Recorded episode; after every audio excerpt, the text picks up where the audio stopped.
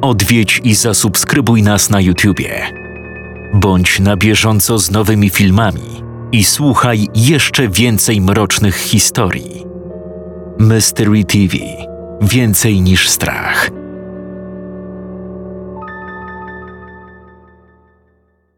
www.mysterytv.pl Jeszcze więcej strachu, jeszcze więcej mrocznych historii. Upiorne święta. Zbiór siedmiu opowiadań od siedmiu autorów Mystery TV w świątecznym klimacie.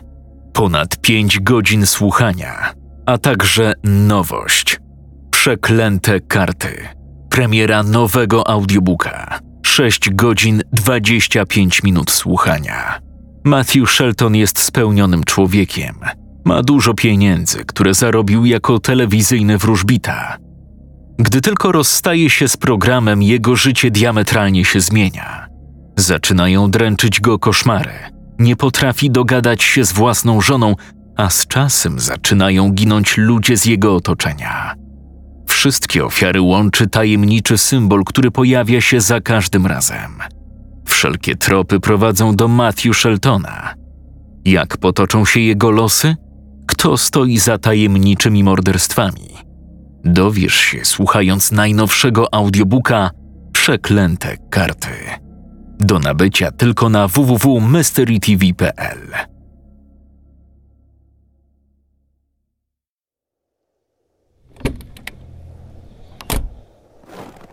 Tomasz zamknął delikatnie drzwi suwa Jakuba. Wydały przy tym miękki, przyjemny dla ucha dźwięk. Zadrżał z zimna, bo owiał go ostry zimowy wiatr. Miał ochotę znowu otworzyć drzwi tylko po to, by je zaraz zamknąć. Ale zamiast tego położył rękę na dachu samochodu i popatrzył na niego z bolesnym ukłuciem zazdrości. Lubił markę BMW a przed nim stał najnowszy model X3. Śnieg pruszył, ale płatki w większości ześlizgiwały się po karoserii, zdmuchiwane lekkim wiatrem, jakby bały się na niej osiąść. Przykrywały wszystko wokół. Błotnistą drogę prowadzącą do lasu i zagradzający przejazd biało-zielony szlaban.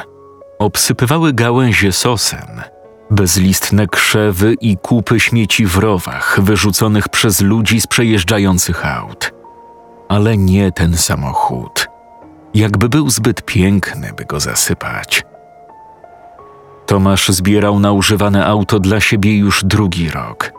Nie na takie, jakie posiadał jego starszy brat Jakub, tylko na starszy model, co najmniej dziesięcioletni na Ząbkowskiej, na warszawskiej Pradze, tam gdzie dorastał, niemal każdy chłopak chciał mieć BMW albo Audi. To był szczyt szczenięcych marzeń. I jako dorosły mężczyzna, świeżo po trzydziestce, chciał je w końcu spełnić. Zaraz po wyjściu z więzienia zaczął zbierać. Zbierał i zbierał, odmawiając sobie wszystkiego, czego mógł sobie odmówić, na czele z alkoholem i papierosami ale zawsze, kiedy miał już tyle, że zaczynał przeglądać ogłoszenia w internecie, w ostatniej chwili pojawiał się inny, bardzo ważny wydatek. Rok temu, kiedy starczyłoby mu na dziesięcioletnie auto, matka zachorowała i musiał zapłacić łapówkę, by ją zakwalifikowali na operację kolana. Bez tego nie mogłaby chodzić. W czerwcu, tuż przed wakacjami, wyrzucili go z pracy – bo jakiś życzliwy doniósł o jego odsiadce. Zawsze się taki znalazł. A bez pracy nie mógł kupować samochodu. Taki głupi nie był. Taki los. Takiemu jak on zawsze wiatr w oczy. Ale przyzwyczaił się. Tomasz wciąż patrzył w zamyśleniu na samochód i gładził lakier tuż pod szybą drzwi. Zazdrość minęła po prostu podziwiał. To był jeden z najnowszych modeli, a jeszcze z tym całym wyposażeniem w środku musiał kosztować blisko 200 tysięcy złotych. No idziesz kurwa czy nie? Burknął Jakub, wkładając na dłonie skórkowe rękawiczki. Był ubrany w ciemne spodnie, białą koszulę i czarną, krótką, skórzaną kurtkę, którą rozpiął pod szyją, mimo że panował co najmniej 15-stopniowy mróz. Śnieg padał coraz gęściej. Nie założył jednak czapki, chociaż na głowie był wygolony aż na duszy. Tylko na czubku głowy miał dłuższe, postawione na żel, kładące się na bok kilkucentymetrowe czarne włosy, które lśniły teraz od drobnych płatków śniegu. Uszy zdążyły mu się już zaczerwienić, a z ust z każdym wydechem uwalniał kłęby pary. Podziwiałem twój samochód. Powiedział Tomasz, dotykając dłonią chłodnego lakieru. Nie zakładał rękawiczek. Skórę na dłoniach miał zgrubiałą od pracy. Matka śmiała się, że wygląda jak skóra nosorożca. No to se kurwa popodziwiasz, jak wrócimy do chałupy. Postawię ci go pod oknem i będziesz sobie patrzył. Siekierę zabrałeś? Mam, tutaj. Tomasz uniósł na wysokość oczu szarą ortalionową torbę. No i dobra. A piłę i worki? Też. No to rusz dupę, bo piździ w chuj. Tomasz skinął głową. Założył grubą czapkę zasłaniającą uszy i zasunął dokładnie suwak kurtki. Potem jeszcze założył kaptur. Jakub obserwował go. Kręcił głową i wykrzywiał pogardliwie usta. Wyglądasz jakbyś bracie kurwa dres w Biedronce kupował. Weź ty coś ze sobą zrób, bo wstyd się z tobą na mieście pokazać. Idziemy przecież do lasu. Kto tam nas zobaczy po nocy? Jakub nacisnął guzik na pilocie przy kluczykach i samochód zamrugał światłami. Obeszli szlaban i zagłębili się w las. Na początku poruszali się po zamarzniętym błocie. Potem zboczyli między drzewa i szli wzdłuż drogi, oddaleni od niej o jakieś 30 metrów. Przejeżdżające samochody rozpraszały mrok na tyle, że nie musieli zapalać latarek. Ty, a może po tym chojniaku strzelimy sobie jednego, co? Ja stawiam. Rozgrzejemy się. Jutro idę do pracy. Nie pamiętasz? Płacą podwójnie. Kurwa, dobre. Po dziesięciu latach przyjeżdżam. Tyle nie widziałeś starszego brata i ty idziesz do tej swojej zasranej fabryki? Gdzie ty teraz robisz? Meble składam, przy taśmie stoję. Ja pierdolę. Lepszej nie umiesz znaleźć? Miałem lepszą, ale jak się dowiadują o mamrze, to zwalniają i kurwa, nie ma zmiłuj.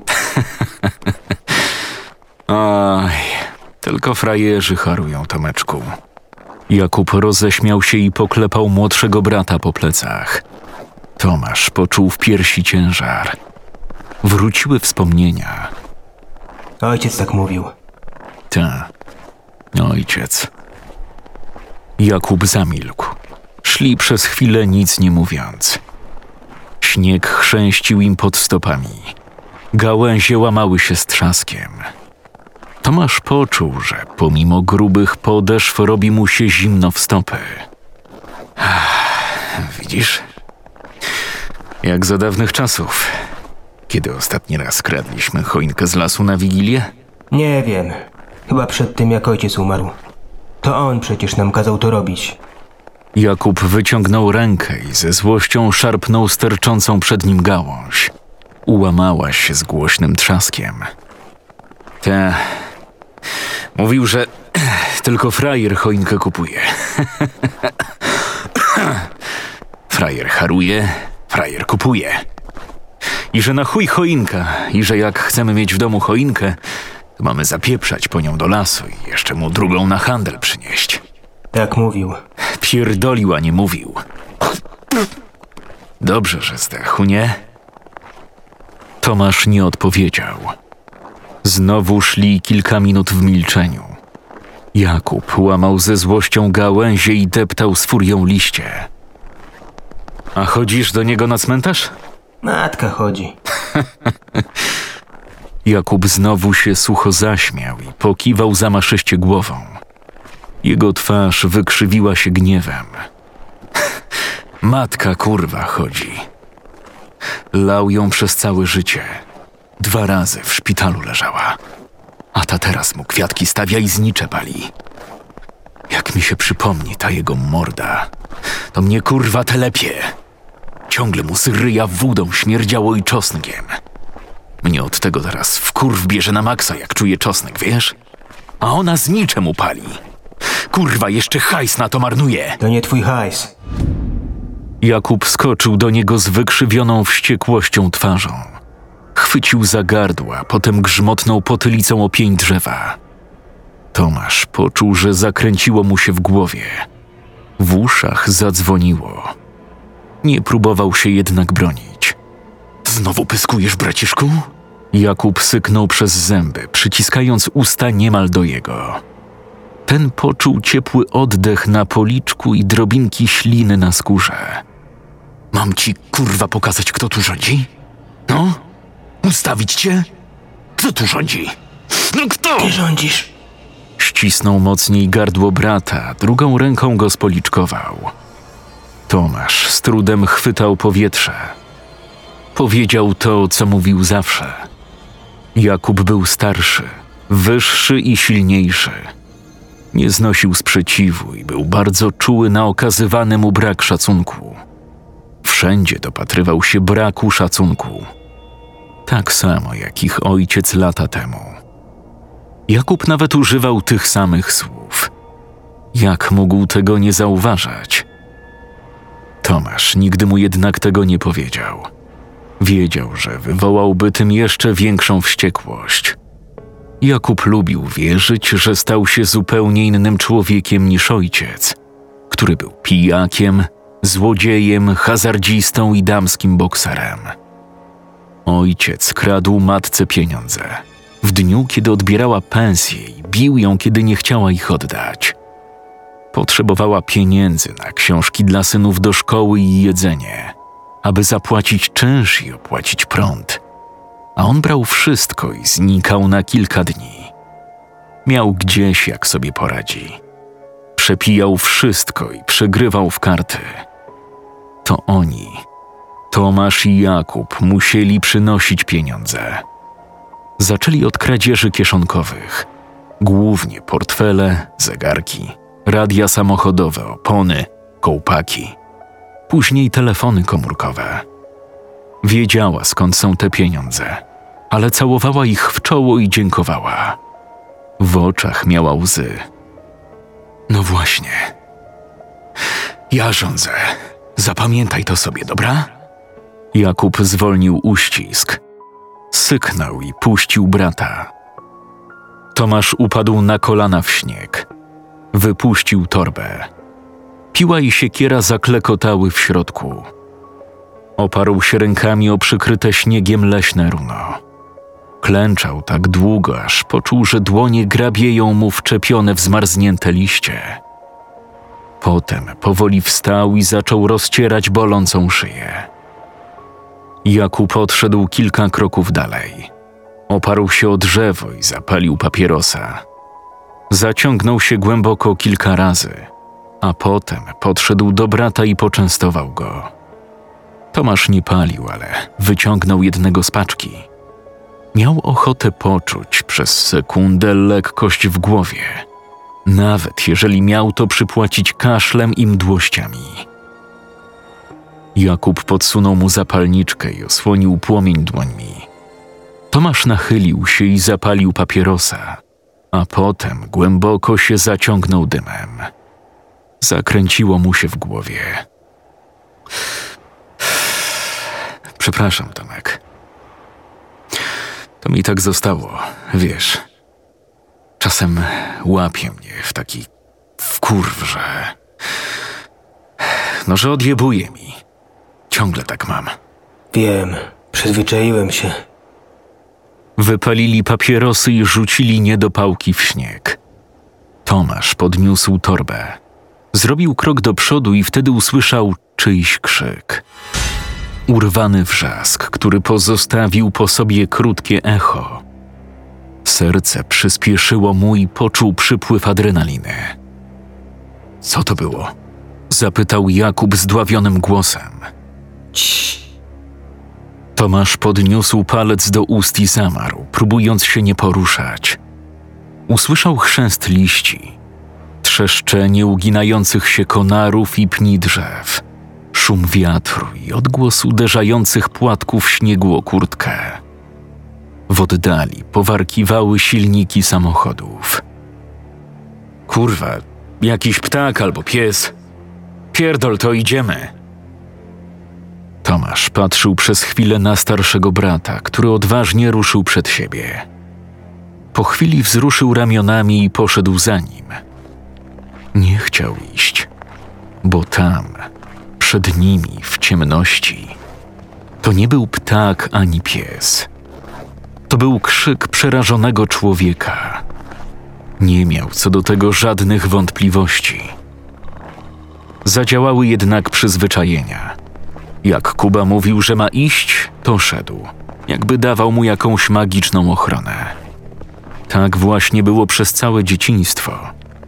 A potem role się odwróciły. Tomasz przyznał się do przestępstwa brata, dzięki czemu uchronił go od więzienia. Jakub miał blisko 1,90 m wzrostu i zawsze był silny i zwalisty. Tomasz był znacznie niższy, szczupły i w dzieciństwie często ściągał na siebie kłopoty. Głównie na początku podstawówki, kiedy miał jeszcze dobre stopnie. Nie uczył się, ale to, co go pytali, było dla niego po prostu potwornie proste. Potem, kiedy trzeba było zapamiętywać bezsensowne daty, bezsensowne nazwy i fakty, nie zdał jak jego brat w piątej klasie i wszystko nieco się uspokoiło. Ale na początku często wracał ze szkoły z zakrwawionym nosem albo z podartą koszulką. Wtedy Jakub rzucał wszystko, cokolwiek wtedy robił i ciągnął go na ulicę. Który to? Pytał, ciągnąc go od jednego praskiego podwórka do drugiego, od jednej bramy do drugiej, aż w końcu kogoś wskazał. W ruch szły pięści, w późniejszych latach noże. Zemsta zawsze była surowsza od winy. I dlatego właśnie Tomasz poszedł przed siebie po śniegu, przykrywającym liście, zamszone pnie i suche gałęzie. Poszedł za bratem w ciemny las. Tak jak kiedyś, słaby Tomek chodził za silnym Kubą. Nie wiem, po co ci ta choinka, Jakub. Możemy jeszcze kupić na placu Szembeka albo gdzie indziej. Znam ludzi. Teraz byśmy siedzieli na kanapie z browcem. Ty masz hajs, a nawet jak nie chcesz go wydać na te kościelne kurwole, to ja bym kupił. Po co ci to? Rozłożył ręce i wskazał na drzewa wokół. Tomasz użył słowa kurwole. Ojciec mówił tak, gdy trzeba było cokolwiek kupić. Buty dla jego synów były kurwolami. Zeszyty i tornistry jeszcze większymi kurwolami. Wszystko poza wódką i papierosami nazywał kurwolami. Jakub wydawał się nie zauważyć, że Tomasz użył ojcowskiego słowa. Zatrzymał się, odwrócił i położył ciężką rękę na ramieniu młodszego brata. Chciałem z tobą pogadać, bez matki, sam na sam.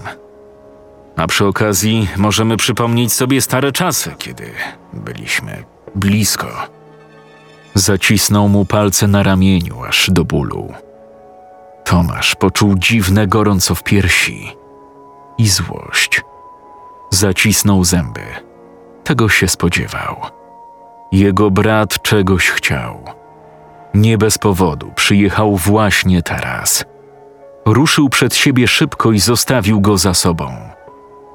Zatrzymał się dopiero przed drucianą siatką otaczającą szkółkę leśną. Spodziewał się jakiegoś ogrodzenia, ale zdziwiło go, że na szczycie zamontowano także drut kolczasty. Po chwili nadszedł zdyszany Jakub. Pogadamy, jak znajdziemy choinkę. Jak będziemy wracać. A chuj, jak tam wolisz. Ty, jak jakiś obóz koncentracyjny to wygląda. Mruknął Jakub, patrząc na ogrodzenie. Tomasz ukląkł w śniegu i wyjął z torby obcęgi. Przeciął siatkę na dole, tylko na tyle, by mogli się przycisnąć, schylając mocno głowy. Potem przygiął siatkę z powrotem i w kilku miejscach skleił ją paskami szarej, mocnej taśmy samoprzylepnej. Nie chciał, żeby ktoś zauważył, że siatka jest przerwana. Po co ty się tak z tym pierdolisz? Nie chcę, żeby ktoś nas złapał. Teraz pilnują tego. Kurwa, przecież zaraz idziemy. O, tu, już masz choinkę. Możesz ciąć i wypierdalamy. Wskazał pierwsze z brzegu drzewko. Tomasz zignorował słowa brata i zaczął przyciskać się między świerkami. Ale po kilku krokach wyjął z kieszeni latarkę, czołówkę, bo nie dochodziło już tam światło z drogi. Było zbyt gęsto. Ustawił moc na tyle, że żarówka ledwo się tliła, a potem zawiesił latarkę na szyi. Zapach świerku był intensywny mimo mrozu. Pod nogami kłębiła się wyschnięta trawa i suche badyle. Co jakiś czas na głowy sypał im się śnieg z potrąconej gałęzi. Jakub strzepywał go ze złością ze swojej żelowej fryzury. Kurwa, ile będziesz tu łaził? Przytupywał z zimna i rozcierał ręce. Muszę ładny wybrać. Chcę mieć ładne drzewko, jak już tu mnie przyciągnąłeś. A po co ci kurwa ładne? Tomasz zatrzymał się, bo zobaczył niemal idealnie ukształtowany świerk. Drzewo było trochę za niskie, bo miało jedynie około 170 centymetrów, ale mógł go łatwo podwyższyć do dwóch metrów dzięki stojakowi. Chwycił drzewko i potrząsnął nim mocno. Śnieg z gałęzi opadł im na głowy i ubrania. Jakub zaklął i otrzepał się. Tomasz wyjął z torby brzeszczot do przecięcia pnia. Gdyby użył siekiery, musiałby połamać najniżej rosnące gałęzie. Po co ci kurwa ładne? Pytanie zadałem, chyba nie? Jakub pchnął Tomasza w plecy i ten musiał przerwać piłowanie. Musiał podeprzeć się też ręką, aby się nie przewrócić. Gdy włożył dłoń w śnieg, poczuł mrowienie. Westchnął i wstał. Mam dziewczynę, Karolinę. Dupę masz. No, to gratki. W końcu trochę użyjesz, bo w pierdlu to chyba nie zrobili z ciebie cwela, co? Nie zrobili. O, chociaż tyle, kurwa. No, pokaż tę lochę. Masz jakieś nudesy? Ona nie jest taka. E, tam. Locha to locha. Tomasz rozpiął kurtkę i z trudem wyjął z portfela zdjęcie. Ręce miał już zgrabiałe i niemal nie czuł palców, więc zajęło mu to kilkanaście sekund. Jakub przysunął fotografię do latarki.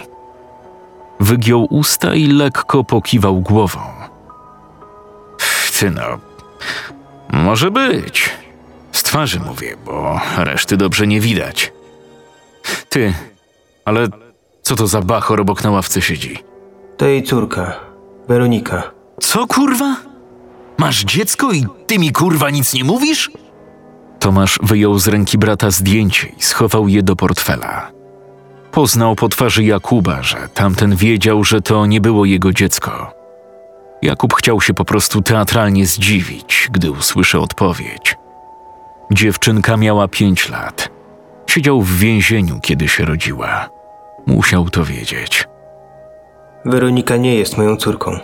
Powiedział, gdy zapiął kurtkę. Potem ukląkł i wyjął z torby grube rękawice. Założył je, ale niewiele pomogło. Mróz kąsał od dołu. Nie czuł już palców w butach. Miał wrażenie, że kolana mu trzeszczą, gdy tylko poruszał nogami. Co kurwa? Bachora nie swojego niańczysz? To gorsze niż przedswelenie w pierdlu. Co ty kurwa wiesz o pierdlu? Siedziałeś? Tomasz wziął brzeszczot i wrócił do piłowania pnia. Ej, braciszku, to tylko pinda, a my... O nie pindo. Przerwał mu Tomasz, cedząc powoli słowa. Zgrzytnął zębami, ale nie podniósł wzroku na brata. Ona cię wykorzystuje. Obcego bachora... Zamknij ryj. krzyknął Tomasz, znowu mu przerywając. Czuł, jak buzuje w nim wściekłość. Zrobiło mu się gorąco. Szarpnął ostatni raz brzeszczotem świerk przechylił się i oparł rozłożystymi gałęziami o sąsiednie drzewa. Tomasz wstał, ale nie spojrzał w stronę brata. Patrzył w śnieg. Przypomniał sobie wigilię sprzed roku, kiedy to rano przyniósł do mieszkania Karoliny choinkę. Weronika była zachwycona. Gdy zobaczyła drzewko, zaczęła skakać i klaskać. Jej warkoczyki bujały się na wszystkie strony, a błękitne oczy skrzyły się radością. Śmiała się głośno jak oszalała. Ojejku, jaka duża! Wow, aż do sufitu! Tomasz stał wtedy jak skamieniały. Nie pamiętał, żeby kiedykolwiek i komukolwiek w życiu sprawił tyle radości. Poczuł, że wzruszenie ściska go za gardło. Potem jednak, kiedy już przystroili drzewko, usiadł zmęczony na fotelu i włączył lampki. Specjalnie kupił dwa pudełka LEDowych lampek. Karolina mówiła, że zawsze mieli małą choinkę i nigdy jej niczym nie oświetlały. Weronika najpierw patrzyła oniemiała na drzewko, a potem wdrapała mu się na kolana, popatrzyła w oczy i zapytała, czy zostanie jej tatą. Tomaszowi na wspomnienie tamtej chwili łzy napłynęły do oczu. Wtedy też się rozpłakał. Kiedy dziewczynka zeszła mu z kolan, bo zawołała ją babcia do kuchni, poszedł do łazienki i płakał przed lustrem. Poczuł się wtedy dobrym człowiekiem. Zrozumiał, że zawsze chciał być dobry. Tamtego dnia, wieczorem przy wigilijnej kolacji, oświadczył się Karolinie. Bez pierścionka, bez przygotowania, ale nie mógł czekać. Po prostu nie mógł. Co ty tam kurwa zamarzłeś do chuja? Tomasz poczuł uderzenie w ramię i obrazy sprzed roku zniknęły. Jakub uśmiechał się drwiąco. Wsadził sobie w zęby papierosa i zaciągnął się dymem. Tomasz poczuł obrzydzenie, patrząc na jego twarz. Te, co ty? Płaczesz? Parsknął Jakub, wskazując paluchem na mokre policzki brata. To mróz, idioto. Kurwa, słuchaj. Dla mnie możesz być frajer i sobie obcego bachora niańczyć, tylko ta twoja ma pewnie teraz piczę taką jak wiadro i... Urwał, bo Tomasz pchnął go silnie. Jakub zamachał rękami, ale nie zdołał się niczego złapać i runął w świerki pomiędzy przykryte śniegiem gałęzie. Najpierw rozległ się trzask, a potem mężczyzna uderzył głucho o ziemię. Z przekleństwami na ustach długo gramolił się, by wstać. Lecz gałęzie były tak gęste, że musiał wyczołgać się spod młodych drzewek jak szczur. Tomasz odetchnął głęboko. Dobrze się poczuł. Patrzył na czołgającego się w śniegu brata i nie obchodziło go, co się stanie. Miał w dupie wybuch wściekłości Jakuba. Miał to wszystko w dupie. Nigdy w całym swoim życiu nie odważył się na taki czyn. Nigdy nie podniósł ręki na starszego brata. Jakub wygramolił się spod świerków i wyprostował się. Dyszał. Miał czerwoną od gniewu twarz. Na policzkach pojawiły się szramy i podbiegły powoli krwią. Był cały pokryty śniegiem. Tomasz spodziewał się odwetu i stał dumnie z podniesioną głową. Czekał na pięści. Postanowił jednak, że tym razem będzie się bronić. Przegra, ale będzie się bronić. Będzie bił najmocniej jak umie. Najmocniej. Jakub zdołał się jednak opanować. Jesteśmy braćmi, rozumiesz? Nie chcę, żeby się z ciebie śmiali na ulicy. Mam to w dupie. Niech się kurwa śmieją. Chuj mnie to obchodzi. Jakub cofnął się o krok. Otrzepał spodnie, kurtkę i włosy. Potem wyjął papierosa i zapalił. Dobra. Jak chcesz. Twoje życie, chłopie. Twoje życie. Tomasz schylił się i wyjął z torby sznur. Rzuć lepiej tego peta i mi pomóż. Trzeba związać gałęzie sznurem. Będziesz tak stał i się gapił? Jakub bez słowa wyrzucił papierosa i pracowali w milczeniu przez kilka minut. Ciasno zawiązali gałęzie, a potem owinęli choinkę w czarną folię. Dla dodatkowego wzmocnienia Tomasz owinął ją jeszcze w czterech miejscach szarą, samoprzylepną taśmą. Zrobił też dwa wygodne ucha, żeby mogli nieść drzewko we dwóch. No, wiesz. Powiedział Tomasz i wskazał przygotowany do transportu świerk. Mówiłeś, że pogadamy, jak będziemy wracać. Powiedział Jakub i znowu wyjął papierosa. No, mów. Tomasz pokręcił przecząco głową, gdy brat wyciągnął w jego stronę paczkę. Potrzebuję hajsu. Tomasz parsknął śmiechem. Naprawdę myślał, że to żart. Hajsu chcesz? Ode mnie? Masz furę za ćwierć miliona, zjawiasz się po kurwa dziesięciu latach i hajsu chcesz. A w mamrze ani razu mnie nie odwiedziłeś, ty nawet chuju złamany nie zadzwoniłeś. A ja za ciebie siedziałem, za ciebie kurwa. Jakub westchnął i wcisnął głowę w ramiona. Jego wargi zrobiły się sine. Musiało mu być naprawdę zimno. Wszystko mi się pojebało, rozumiesz? Długi. Długi mam. To sprzedaj tego suwa. Jakub podszedł do brata i objął go ramieniem. Poklepał go drugą ręką po piersi. Ta fura. To jeszcze ciepła jest. Nie moja. Miała się odstać i kazali mi ją odprowadzić, ale. No, wziąłem. A ciuchy? To moje jedyne ciuchy. Zresztą, podruba ta skóra. Taka jest prawda. I czapki to nawet kurwa nie mam. Jestem kompletnie bez hajsu. Tomasz wyrwał się z uścisku brata i złapał się za głowę.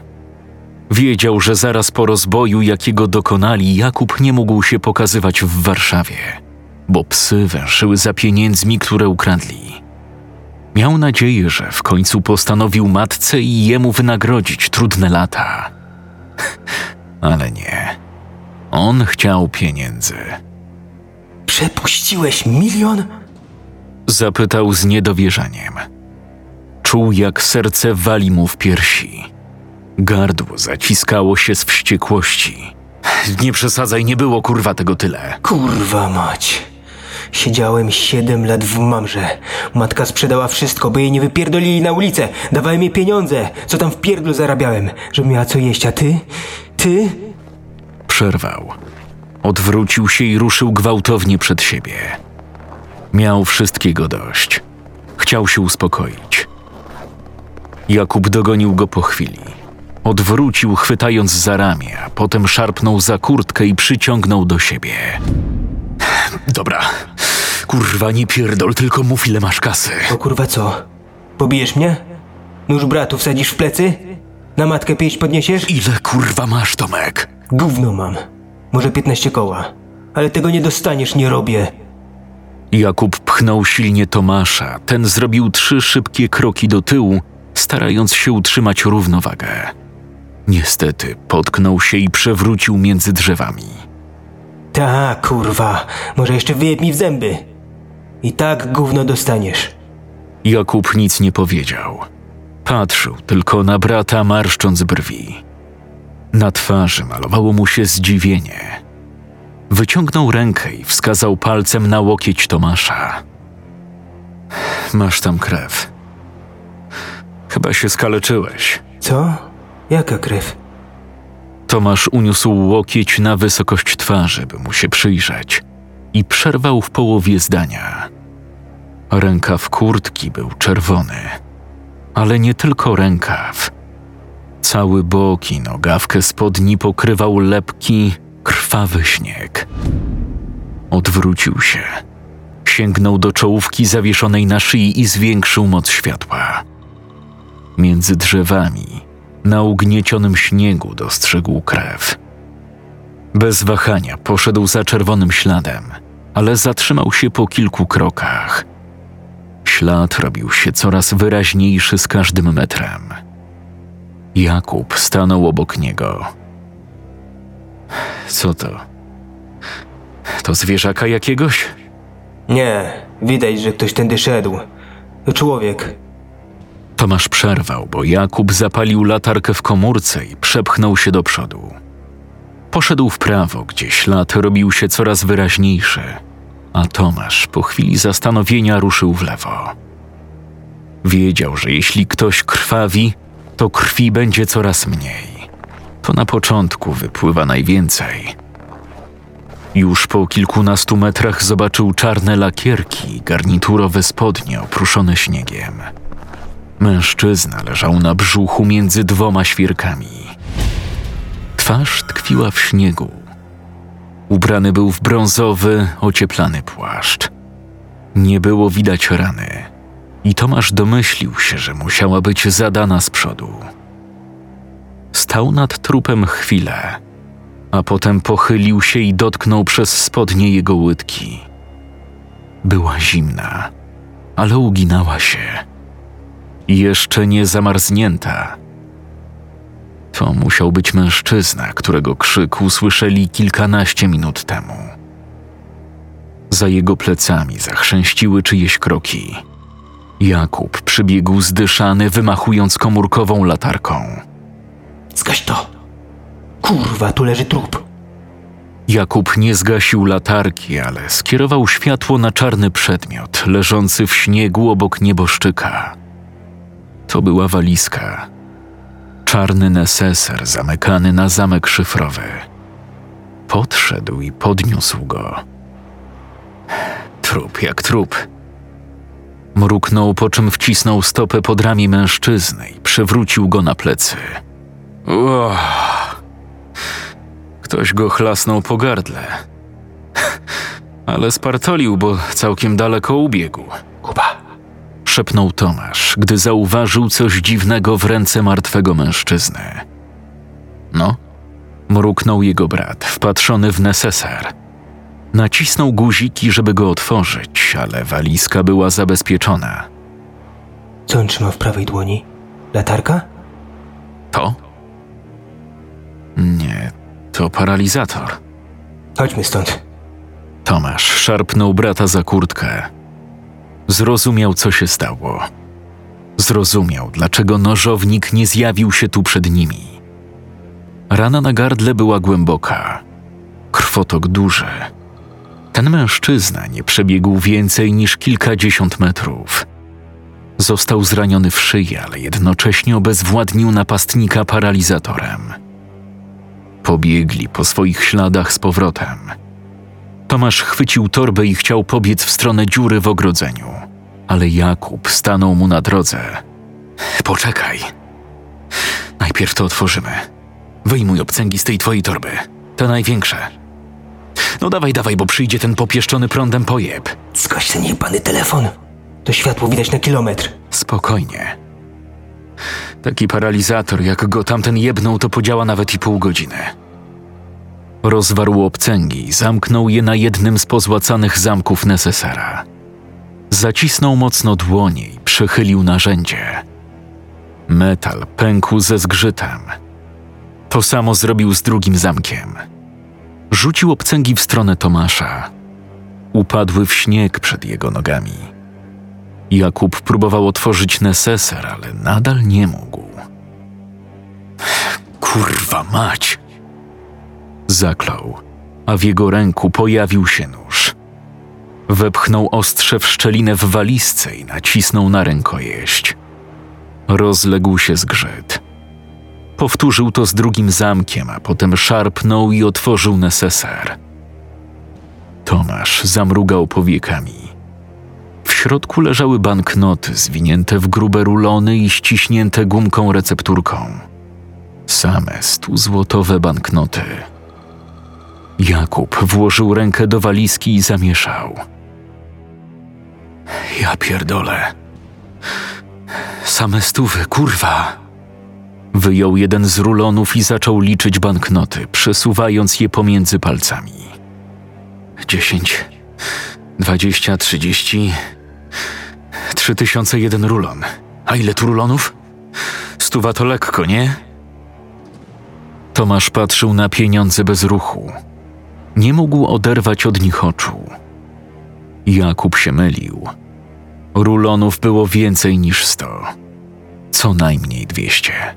Albo trzysta. Co oznaczało... Ta liczba nie mieściła mu się w głowie.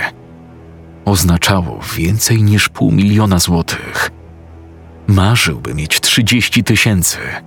A tutaj bogactwo To rozwiązałoby wszystko. Miałby życie, o jakim marzył. Zwykłe życie, takie jak każdy człowiek. No, bracie kochany. Uśmiechnął się Jakub złośliwie. Jego oczy błyszczały radością i podekscytowaniem. Odliczył dwa stuzłotowe banknoty i zgniótł je w kulkę. Popatrzył na nią przez chwilę i rzucił Tomaszowi. Masz. Będziesz miał na choinkę. na najlepszą w całej Warszawie. Tomasz poczuł gniew. Jego brat znowu chciał to zrobić. Chciał zabrać wszystko dla siebie. Zdecydował, że tym razem mu na to nie pozwoli. Daj mi połowę. Jesteś nam to winien z matką. I mi też jesteś to winien. Jakub zamknął neseser i włożył sobie pod pachę. Wyrwane zamki nie trzymały już. W drugim ręku trzymał nóż. Wskazał czubkiem broni na Tomasza. Właśnie się podzieliłem. Bierz te dwie stówy i spierdalaj do tego swojego bękarta i rozwierconej pindy. Tomasz wyjął z kieszeni nóż sprężynowy. Ostrze wyskoczyło z metalicznym brzękiem. Dawaj połowę! Wycharczał. Nie poznał swojego głosu. Zupełnie jakby mówiła to obca osoba. To ja ci dałem tę kosę. I co? Teraz mnie nim zaciukasz? Nagle nauczyłeś się chlastać? Bo zawsze byłeś cipa. Oddaj połowę! Krzyknął Tomasz i wyciągnął nóż w stronę Jakuba. Ten zmrużył oczy. Ojca zabiłeś. I teraz brata chcesz zabić, co? Tomasz poczuł, że krew odpływa mu z twarzy. Zmiękły mu kolana. Tak! Ty taki dobry niby jesteś. Szlachetny. A starego zabiłeś. Jaki był, taki był, ale ojciec! I planowałeś to szczurze. Piętnastoletni morderca. I to ja jestem ten zły, co? Ja jestem zły? Widziałem, jak podszedłeś do kanapy, kiedy usłyszałeś, jak zaczyna żygać. A potem przekręciłeś głowę, żeby się tymi żygowinami udusił. Widziałem to. Obudziłem się wtedy. Widziałem, jak go trzymałeś. Chyba ze trzy minuty. Z całej siły. Chciałeś mieć pewność. A potem myłeś te żygi z koszulki ale się nie dało. Słyszałem, jak się woda lała. Potem wywaliłeś koszulkę do kosza, do śmieci i przywaliłeś obierkami ziemniaków. Tomasz poczuł nagle, że to musi być sen. Oczy zaszły mu mgłą. Kucnął i przykrył twarz dłońmi. Czuł, jak serce bije mu w piersi, jak po ciele rozlewa się fala parzącego gorąca. Ja teraz pójdę. Już się nie zobaczymy, braciszku. Tylko matki nie zabij, jak ci zacznie przeszkadzać. Powiedz jej, że. Tomasz odjął dłonie od twarzy i spojrzał na niego. Z szyi Jakuba sterczała rękojeść noża, a za nim stała jakaś zakapturzona postać ubrana w biały, śliski kombinezon. Morderca miał blade policzki i intensywnie czerwone źrenice. Po kurtce Jakuba ściekała krew. Patrzył szklanym wzrokiem przed siebie, jakby już nie żył. A mężczyzna w białym kombinezonie z tyłu trzymał go, by nie upadł. Walizka wysunęła się mu spod pachy. Otworzyła się, a rulony banknotów wysypały na śnieg. Dłoń w białej rękawiczce chwyciła rękojeść noża i wyciągnęła ostrze. Krew trysnęła na pieniądze, ubranie mordercy, na zasypane białym puchem świerki leśne runo. Zabójca patrzył na Tomasza zimnymi, żarzącymi się na czerwono oczami. Jego twarz była sztywna, jakby zamarzła. Tomasz otrząsnął się ze stuporu rzucił się w bok między świerki i zwiększył jednocześnie moc latarki na piersi. Jakub miał rację. Nie miał z nikim szans w walce na noże. Nigdy w życiu nie walczył na noże. Jego szansą był paralizator. Ten z walizką zdołał go użyć i Tomasz miał nadzieję, że jemu też się uda. Zimne, pokryte zmarzniętym śniegiem gałęzie chlastały go po twarzy, ale biegł dalej, po krwawym śladzie. Nie zatrzymywał się, nie oglądał się za siebie. Wiedział, że oglądanie się nie miało sensu. I tak musiał dopaść paralizatora. Nigdy nie miał w ręku takiego urządzenia. Nie wiedział nawet, czy może razić prądem wielokrotnie i czy akumulator nie jest rozładowany. Ale to była jego jedyna szansa. Biegł wciągając w płuca ostre jak żyletki powietrze. Zobaczył lakierki zamordowanego mężczyzny i ciemny płaszcz, który już powoli zaczął niknąć pod padającym śniegiem. Obie ręce były niewidoczne. Nie mógł sobie przypomnieć, w której był paralizator. Upadł na kolana i sięgnął do prawej dłoni nieboszczyka. Namacał twarde urządzenie. Chwycił jej, przetoczył się na plecy, oświetlając las za sobą. Z bijącym sercem wpatrywał się w ciemność, ale nikogo tam nie było. Zobaczył tylko przysypane śniegiem świerki, rozkołysane coraz mocniejszym wiatrem. Sypki śnieg pokrył już niemal całkowicie krwawe ślady na śniegu. Tomasz leżał bez ruchu i oddychał ciężko. W gardle czuł metaliczny posmak. Odchrząknął i wypluł gęstą plwocinę. W jednej dłoni trzymał nóż, w drugiej paralizator. Otrzepał urządzenie ze śniegu i nacisnął guzik. Rozległ się trzask i między elektrodami pojawiły się niebieskie iskry. Zgasił latarkę. Wolał, żeby morderca nie wiedział, gdzie jest, szczególnie teraz, kiedy miał broń. Uspokoił oddech i nasłuchiwał. Słyszał tylko szum drzew, ale żadnych kroków. Nie trzaskały gałęzie, nie chrzęścił śnieg. Tomasz przełknął ślinę. Przypomniał sobie zawartość walizki. Leżało tam pół miliona złotych.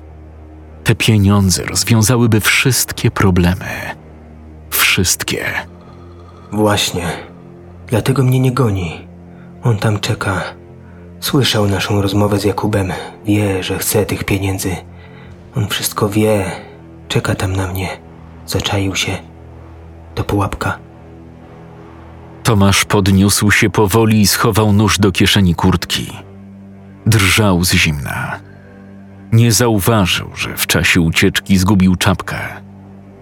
Któraś z gałęzi musiała ściągnąć mu ją z głowy. Bał się. Ale czy ten morderca będzie go gonił? Nie widział dobrze jego twarzy. Dlaczego ten miałby go zabijać? Miał maskę. Tomasz był już wtedy tego pewien. Nikt nie mógł być taki blady. I te oczy żarzyły się na czerwono. Pomyślał, że to musiały być fosforyzujące soczewki, no bo co innego. Albo soczewki z jakimś niewielkim źródłem zasilania. LEDy potrzebują przecież mało energii. To nie mogło być nic innego. Nic innego. Podniósł się ze śniegu. Nogi już dygotały mu z zimna. Nie czuł ani palców w butach, ani pięt. Postanowił nie ryzykować. Nie warto było przecież umierać za walizkę pieniędzy. Jego życiem rządziły proste zasady. Na wszystko musiał zapracować, o wszystko musiał walczyć. Nikt nie dał mu niczego za darmo. Przeciwnie, cierpiał za przeszłość, za to, co zrobił. Ale cierpiał słusznie, zasłużył na to. Pieniądze wprowadziłyby tylko chaos w to życie, a z chaosu urodziłoby się zło. Nie ufał sobie. Był synem swojego ojca i bratem swojego brata. Płynęła w nim krew pijaka, hazardzisty i mordercy. Wiedział o tym i bał się samego siebie. Z więzienia wyciągnął jednak naukę. Nie dzięki odsiadce, ale rozmowie ze starszym więźniem, którego nazywali Wyga. Wyga kilkanaście lat oszukiwał ludzi i pławił się w niewyobrażalnym luksusie, a potem spadł na samo dno. Podczas tej rozmowy zadał Tomaszowi pytanie. Tomasz zapamiętał je słowo w słowo i wiedział, że będzie pamiętać je do końca życia. I wtedy, drżąc z zimna, zaciskając i rozprostowując palce, by nie stracić w nich czucia, usłyszał słowa Wygi. Przypomniał sobie nawet jego twarz. To był stary człowiek, ale spokojny i pogodzony ze swoim losem. Zapytał go, jak żyjesz w głównie, to byle co da ci szczęście. A co da ci szczęście, jak żyjesz obsypany złotem? Tomasz z ciężkim sercem porzucił myśl o pieniądzach i zaczął powoli iść w stronę ogrodzenia po przeciwnej stronie szkółki leśnej. Wchodził głębiej w las i oddalał się od drogi, ale to wydawało mu się bezpieczniejsze. Poruszał się skokami. Robił kilka szybkich kroków, a potem kłócał i nasłuchiwał. Ten morderca nie mógł przecież poruszać się bezgłośnie. Tomasz musiał go usłyszeć. Dłonie zgrabiały mu z zimna. Po kilkunastu metrach uspokoił się. Nie słyszał, żeby ktokolwiek go gonił. Pomyślał, że może się uda. W pewnym momencie uderzył w druciane ogrodzenie. Odbił się od niego i upadł w śnieg. Nie zauważył go w ciemności. Na szczęście trzymał wyciągnięte przed twarzą ręce. W lesie było tak ciemno, że poruszał się niemal po omacku. Wstał natychmiast. Oparł się plecami o siatkę i wyciągnął przed siebie paralizator. Następnie nasłuchiwał. Nie usłyszał nikogo. Po kilkunastu sekundach odwrócił się gwałtownie. Włożył paralizator w zęby. Wczepił palce między oka ogrodzenia. Wspiął się i przerzucił ciało na drugą stronę. Zapomniał, że na górze był drut kolczasty. Rozdarł sobie rękaw kurtki i spodnie. Upadł w śnieg niezgrabnie. Przewrócił się i syknął z bólu. Zmarznięte stopy źle ułożyły się przy upadku i poczuł przeraźliwy ból w prawej kostce. Wypuścił z ust paralizator. Ten upadł gdzieś między przypruszone śniegiem gałęzie. Tomasz stęknął i przesunął nogę. Pulsowała nieznośnym bólem. Zagłębił rękę w chruście, żeby odnaleźć paralizator. Suche, zmrożone gałęzie trzeszczały. Łamały się i raniły mu dłoń, ale nie mógł znaleźć urządzenia. Nagle zamarł. Usłyszał kroki. Za ogrodzeniem chrzęścił śnieg. Na ciemnym tle świerków zamajaczyła biała plama. Zbliżała się. Tomasz zacisnął zęby i uspokoił oddech. Czuł, jak mróz wpełza mu na plecy, jak gryzie w szyję, uszy, pośladki, dłonie i policzki. Zaczął dygotać w niekontrolowany sposób. Gdy był w bezruchu, zimno uderzyło ze zdwojoną siłą. Pomyślał, że nie może tak siedzieć. Mróz w nocy, według prognoz, miał zbliżać się do 15 stopni poniżej zera, a przy gruncie pewnie do 20. Jeżeli jego kostka jest skręcona albo złamana i nie będzie mógł iść wystarczająco szybko, to zabije go hipotermia, a nie nożownik. A może to już halucynacje? Ta biała plama. Ona przecież nie rusza się. Zatrzymała się trzy metry od ogrodzenia. A te kroki to mogły być omamy słuchowe. Tomasz zadrżał tak gwałtownie, że jedna z gałęzi pod jego nogami złamała się z suchym trzaskiem. Wstrzymał oddech. Wydawało mu się, że podniosła się mgła. Zamrugał powiekami. Plama za ogrodzeniem zbliżyła się. Czy nie? Nie wiedział. Czekał następne kilkanaście sekund. a może minut. Zakręciło mu się w głowie. Poczuł w sercu rozlewające się gorąco, a gardło ścisnęło mu się ze strachu. Zawroty głowy to zły znak. Pamiętał, jak jako dziecko lód się pod nim załamał i wpadł w parku skaryszewskim do lodowatej wody. Staw nie był głęboki, zanurzył się jedynie do ramion, ale była już wieczorna szarówka, a wokół nie było nikogo. Wyczołgał się po minucie i wyszedł na brzeg. Zaczął iść w stronę tramwaju. Spodnie zesztywniały mu od mrozu. Przewrócił się kilka razy, bo nie czuł stóp. Już po minucie zaczęło mu się kręcić w głowie, ale jakoś doszedł do przystanku tramwajowego. Tam stracił przytomność. Obudził się dopiero w szpitalu. Teraz też mogły dzielić go minuty od utraty świadomości. A w tym lesie oznaczało to śmierć. Musiał uciekać. Teraz. Zapalił latarkę i skierował snop światła na białą plamę, przypominającą człowieka. To był on. Podniósł rękę z nożem, by osłonić się przed światłem. Trzymał walizkę z pieniędzmi. Była owinięta szarą, samoprzylepną taśmą. Morderca musiał ją wyjąć z torby Tomasza. Nóż mordercy miał długą, wąską klingę, lekko zakrzywioną jak szabla. Rękaw jego białego kombinezonu i rękawica, w której go trzymał, były czerwone od krwi. Mężczyzna w kombinezonie ruszył w stronę Tomasza. Ten przeniósł snop światła na chrust i w panice zaczął odrzucać gałęzie, by znaleźć paralizator. Gdy dostrzegł urządzenie, za plecami zgrzytnęła siatka. Morderca już się na nią wspinał. Tomasz wcisnął dłoń między kolczaste, zamarznięte gałęzie i wyszarpnął paralizator. Zacisnął na nim zgrabiałe palce. Potem wstał i zaczął uciekać, jak najdalej od ogrodzenia. Kostka bolała na początku, ale nie zważał na ból. Nie mogła być jednak złamana. Może nawet nie była skręcona, bo przecież biegł, a nie można biec ze skręconą kostką. Tak mu się przynajmniej wydawało. Musiał się rozgrzać. Potrzebne mu było ciepło. Obejrzał się za siebie i prześlizgnął się snopem światła między pniami drzew. Zobaczył tylko bezlistne pnie obsypywane sypkim śniegiem. Oddychał ciężko, wzbijając wokół siebie tumany pary.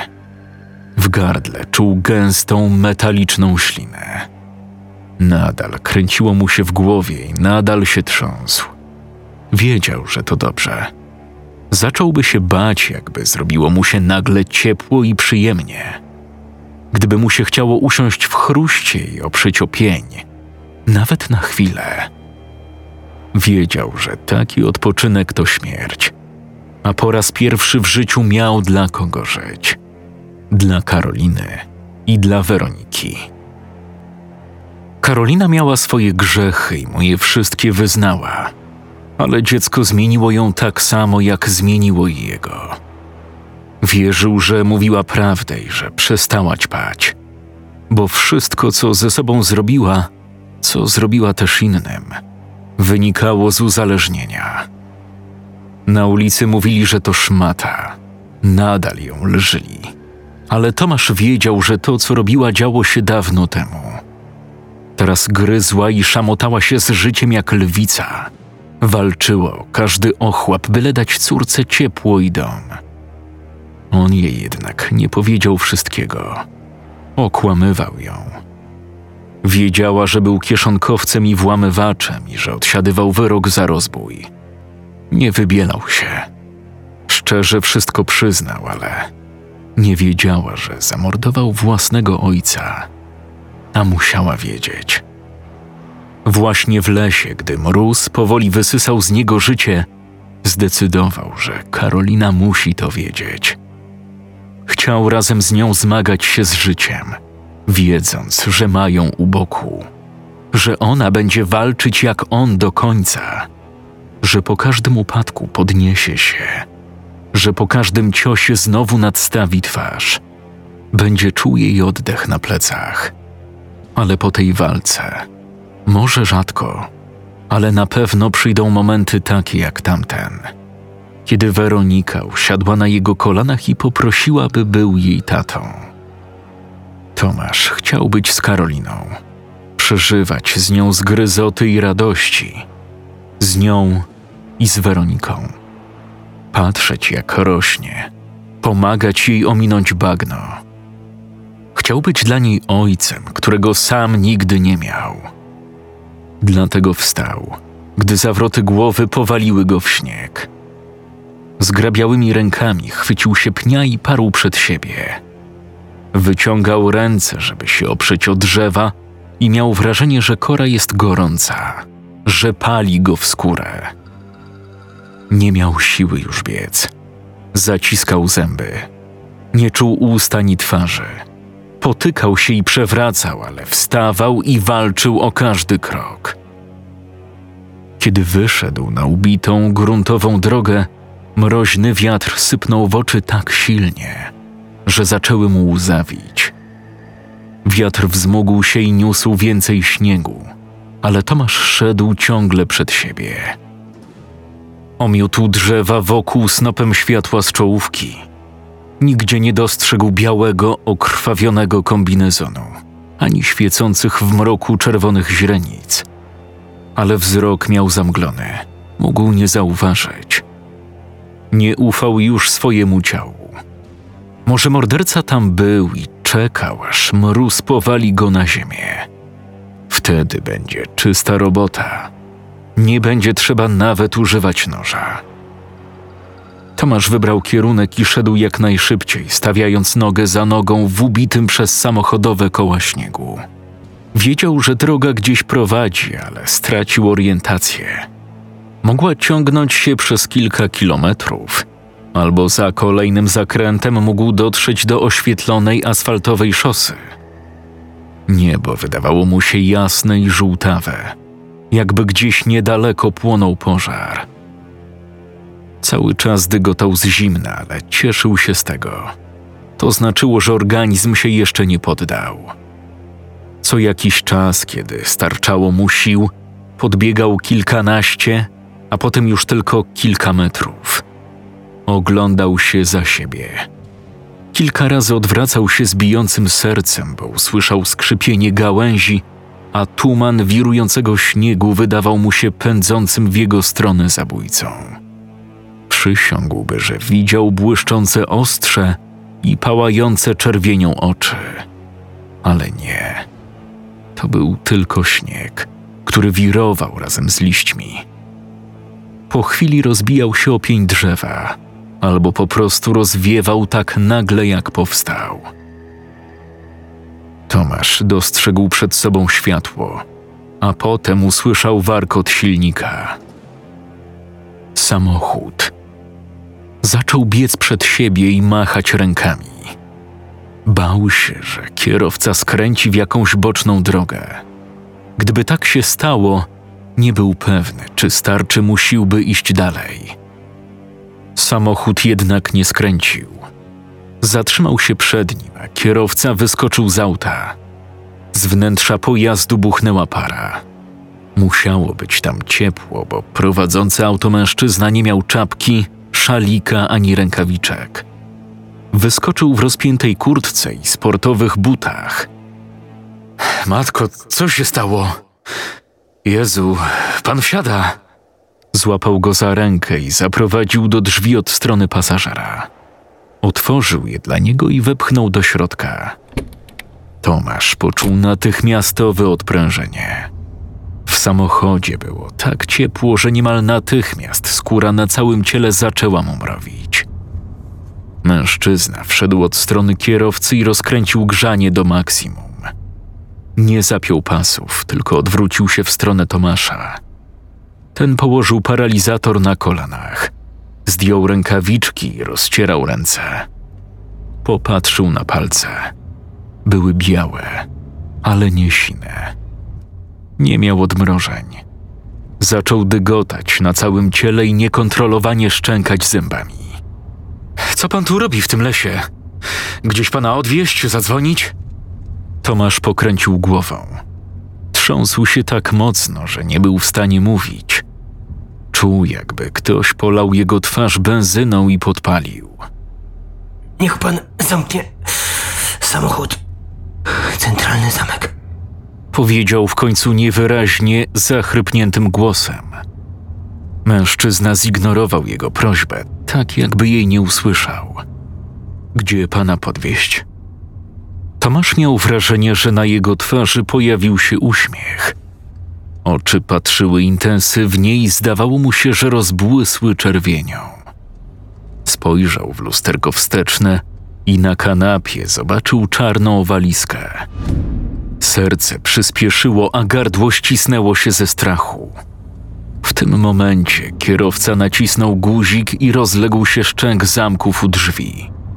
Tomasz w panice chwycił niemal nic nie czującymi palcami paralizator, ale wtedy z opóźnieniem uświadomił sobie, że to nie był tamten neseser, który widział w lesie.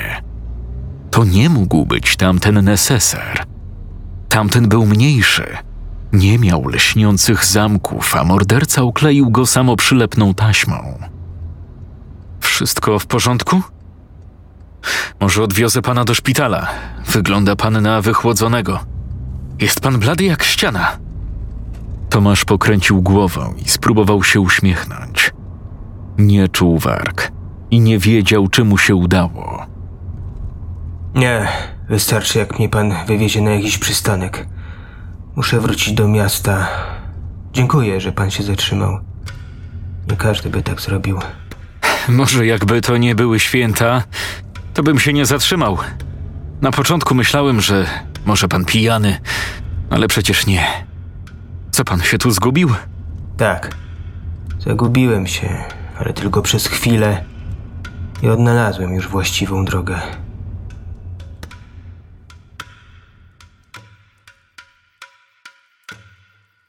Jezu, co ty tak późno wracasz? Matka Tomasza była ubrana w piżamę i przecierała zmęczone oczy. No wchodź, wchodź, ciepło ucieka. Co tak stoisz na progu? Nie mogłam zasnąć. A gdzie Kuba? Tomasz otrzepał buty ze śniegu na wycieraczce i wszedł do mieszkania. Zamknął za sobą drzwi. Kuba musiał wyjechać. Powiedział i schylił się, by rozwiązać buty. Bał się, że zdradzi go twarz. Wargi zadrżały mu, gdy to mówił. Na nowo zobaczył szkliste oczy brata. Oczy bez życia, kiedy tam stał w lesie z nożem wbitym w szyję. Coś się stało? Wyjechać? A dopiero przyjechał. Interesy. Zdjął kurtkę i szybko przemknął do pokoju, w którym było najcieplej. Usiadł na fotelu przy grzejniku. Matka natomiast na kanapie. A choinka? Nie zdążyliśmy. Jutro kupię po pracy. Dzisiaj było za późno. Jutro pracujesz? Jutro płacą podwójnie. Potrzebujemy pieniędzy.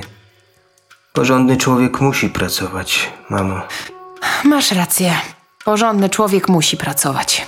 A jesteś głodny? Zrobić ci coś? Nie, siadaj. Nie będę jadł. Usiadła i przez chwilę milczeli. Matka patrzyła na niego. On zaś wbił wzrok w dywan na podłodze i przysunął stopy jak najbliżej kaloryfera. Dobrze, że pojechał. Z bólem to mówię, ale cieszę się. Z bólem to mówię, ale się cieszę. Bałam się, że znowu cię w coś wciągnie. Bo ty. Ty zawsze byłeś dobrym chłopcem, Tomku. Najlepszym. Tomasz ukrył twarz w dłoniach. Poczuł, że nie zdoła powstrzymać łez. Wstrząsnął nim szloch. Zawsze wstydził się płaczu, bo tak nauczył go Jakub. Powtarzał, że bez względu na wszystko nie może płakać. Nigdy nie może płakać. Odjął ręce od twarzy i spojrzał na matkę, nie próbując ukryć mokrych policzków. Miał to gdzieś. Nie będzie już się wstydził. Nie ma ojca, nie ma Jakuba. Jest tylko przyszłość. Matka patrzyła na niego poważnie, jakby jakimś matczynym, szóstym zmysłem wiedziała, co się dzieje w jego duszy. Ale ja... Ojciec... Jutro kupisz choinkę, ubierzemy ją i zaprosisz Karolinę i moją śliczną wnusię, Weronisię, bo nam, Tomku, też się trochę od życia należy. Nawet nam się w końcu trochę należy.